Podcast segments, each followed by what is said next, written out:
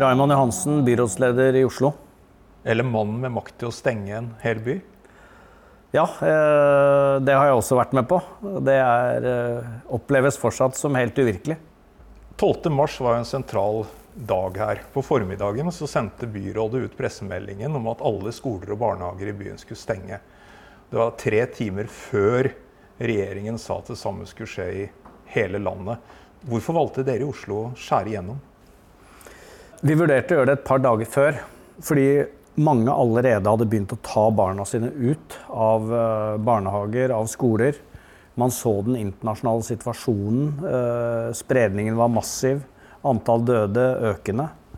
Eh, Og jeg opplever at vår bevissthet rundt dette økte fra vi fattet uka før beslutningen om ingen publikum på Holmenkollen skifestival.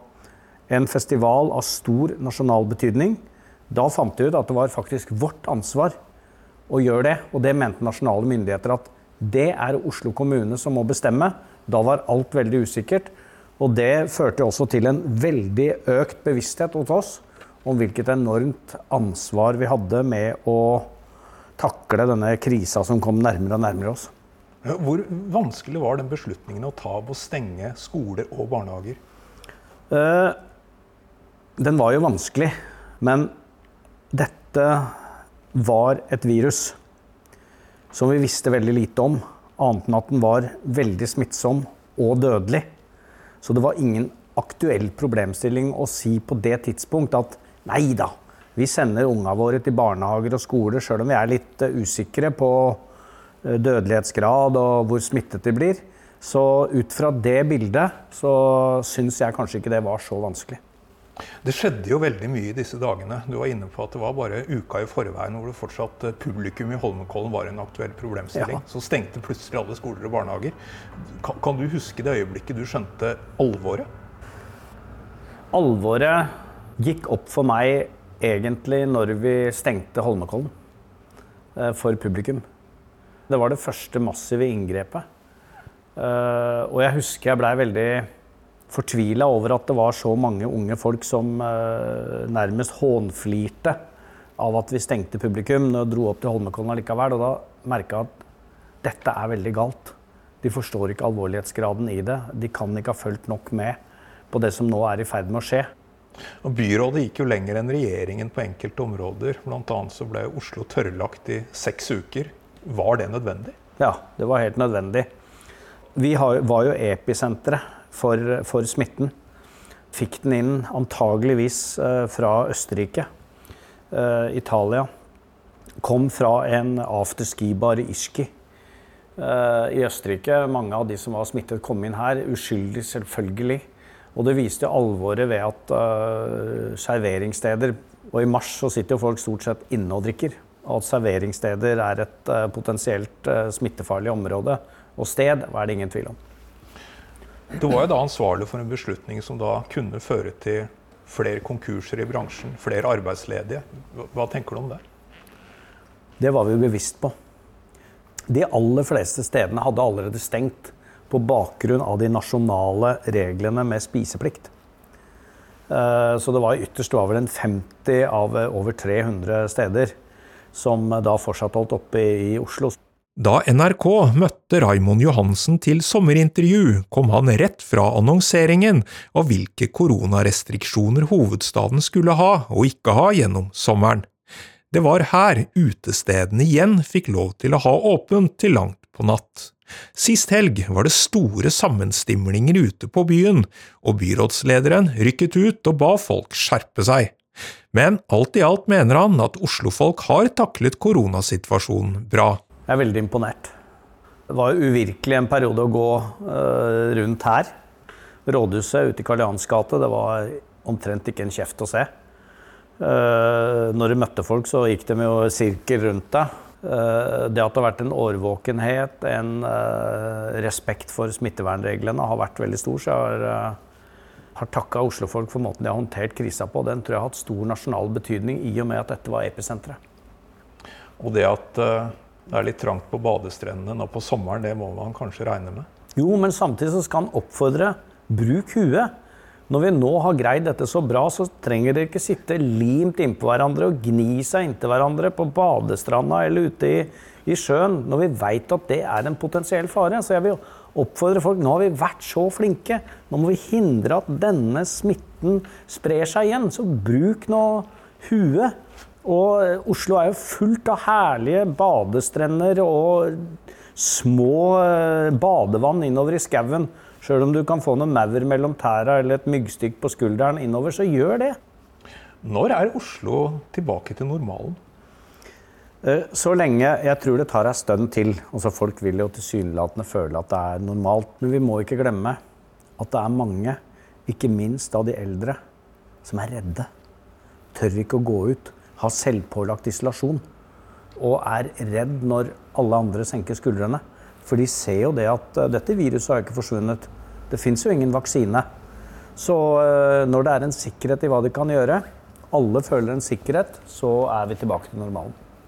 Og denne hjemmekontoroppfordringen den gjelder jo i hvert fall ut august? Jeg tror det kommer til å vare lenger. Så lenge vi har den énmetersregelen, eh, som også setter begrensning for hva som anbefales på kollektivtrafikken, eh, så er det ikke mulig å gjøre noe annet enn oppfordre til fortsatt eh, hjemmekontor. Jeg skjønner at folk kan være drittlei av å ha hjemmekontor og savner arbeidskollegaer. Eh, men det vil påhvile arbeidsgiveren å tilrettelegge på en eh, god måte for dette. Du leder et byråd med et relativt solid rød-grønt flertall i ryggen. Men det skyldes jo at, egentlig at det er andre partier enn Arbeiderpartiet som står sterkt. Det er litt den samme situasjonen som vi ser på riksplan et drøyt år før stortingsvalget. Hva er din forklaring på at Arbeiderpartiet sliter med oppslutningen? Altså Her i Oslo har vi jo makt. Eh, vi eh, sliter fordi at vi ikke tydelig nok eh, greier å sette dagsorden. Det er ikke enkelt. Ikke kritikk av noen. Og at ofte folk har Vet jeg ikke om det er tilfellet under koronakrisen, men i hvert fall tilfellet at man har lett etter mer sånne absolutte løsninger. Er man for klima, så ønsker man å vise det ved å si at man stemmer MDG. Eh, er man eh, mot flyktninger, så sier man det. Da stemmer jeg Frp. Og eh, partier som har mer helhetlige løsninger og er mer kompromissvennlige og er litt sånn på den ene på den andre siden, har ikke skåret på det i de siste, siste valgene og siste årene. Så det er jo ikke bare bare å sette dagsorden når noen alltid kommer med mer drastiske forslag. Men Høyre greier det bedre enn dere, da, tydeligvis? Gjennom kriser så eh, er det ofte at eh, de partiene som sitter med makta, profitterer på det. Vi ser Mette Fredriksen i Danmark, sosialdemokratisk leder, har jo aldri stått så sterkt som etter håndteringen av krisen. Også for så vidt uh, Löfven i Sverige, selv om det toklet det på annen måte, har jo stått støtt gjennom krisen. Så folk støtter opp om det lederskapet de har uh, gjennom krisa. Har ikke denne koronatiden snarere spissa konflikten mellom de partier som heier på oljenæringen og industrien, og de som er utålmodige etter det grønne skiftet? Ja, det er selve den uh, oljepakka. Eh, skatte, uh, skattelette for olje- og gassindustrien har jo uh, åpenbart vært et sånn type tema. hvor nok det har blitt en symbolsak sammen med noen av de andre sakene som iskanten uh, osv. Du var ikke så happy for den oljepakka sjøl? Jeg var mot den. Uh, jeg mener at den lett kan føre til massiv støtte til ulønnsomme, ulønnsomme prosjekter. Til tross for at den redder masse arbeidsplasser? Ja, men det, jo, Du skal jo redde arbeidsplasser på lang tid. Jeg innser at uh, det var vanskelig å komme utenom. Jeg innser at det skaffa arbeid til Verdalen, til Egersund uh, til arbeidsplasser i Stavanger som er avhengig av eh, leverandørindustrien til olje og gass. Men jeg mener at det er galt å gi eh, kraftige skattekutt til virksomheter og til prosjekter jeg tror kan bli ulønnsomme. Jeg er, mener at vi skulle investert tyngre og mer i en del fornybar energi, bl.a. i vannkraften. Oslo kommune er jo da nest største eier av, eh, eh, av, vannkraft etter Statkraft. Vi hadde sett nå at det hadde vært tilsvarende skatteletter, bl.a. i grunnrentebeskatningen, hadde man kunnet iverksatt, kan hende det vil skje, iverksatt mange tiltak med rehabilitering av vannkraftverkene, opprustning av det, skaffa mye arbeidsplasser i distriktene og på sikt kunne økt fortjenesten innenfor eh, vannkraftsektoren. Og også øh, enda flere kilowatt øh, hadde kommet ut av vannkraftene. Så det er et eksempel jeg mener det har vært massiv støtte til. Tenker du da en opprusting av eksisterende anlegg, eller ytterligere utbygging i fjellheimen? Først og fremst så tror jeg vi får ut flere terawatt-timer bare med opprustning og utviklingen av eksisterende anlegg. Og så kan man diskutere hva det vil være behov for uh, av ytterligere vannkraftutbygging. Jeg har jo mye mer for vannkraftutbygging enn jeg er for vindmøller. for å si det sånn. Det er, de inngrepene man har i naturen med vannkraft, er mye mindre. Her i Oslo så står jo du og byrådet solid planta på grønn side. Men det virker jo som det er MDG som får all krediten, mens Arbeiderpartiet får all kjefta. Hva, hva tenker du om det? Det er jo riktig. vi har fått det. Etter valget så eh, var det vel eh, litt sånn, og vi har jo andre, litt andre typer velgere.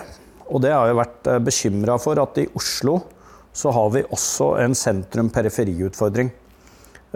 Folk som bor i drabantbyene, har opplevd at mesteparten av fokus, tiltakene, snakket har dreid seg om Oslo sentrum. Og eh, de jo, lever jo et liv bl.a. Eh, hvor, hvor vi er mye mer avhengig av eh, bilen. Og så har jo det angrepet som har vært på bilen som sådan, har nok blitt opplevd også som et angrep på ens egen livsstil. Så det har vært et angrep på bilen som har gått for langt? Nei, det har jeg ikke sagt. Blant annet så greide ikke vi å komme fram under valget om at det var billigere etter at det nye bom bompengesatssystemet kom, så var det faktisk billigere å kjøre gjennom bomringen fra uh, Alna bydel enn det var tidligere. Men den var helt umulig å nå gjennom med. Bør Arbeiderpartiet åpne også for et regjeringssamarbeid med MDG? Vi må i hvert fall ikke døtte MDG mot Høyre. Er det fare for det? Altså, Det er måten å snakke om det på. Uh, vi har et respektfullt, godt samarbeid med MDG her i Oslo. Innse alltid at det er annerledes å samarbeide nasjonalt, hvor olje- og gasspolitikken bl.a. Uh, fører til en ganske stor avstand. Men man skal snakke godt og respektfullt uh, om hverandre. Og miljøbevegelsen er en voldsom kraft. En av de sterkeste internasjonale kreftene vi får. Der må sosialdemokratiet også være med.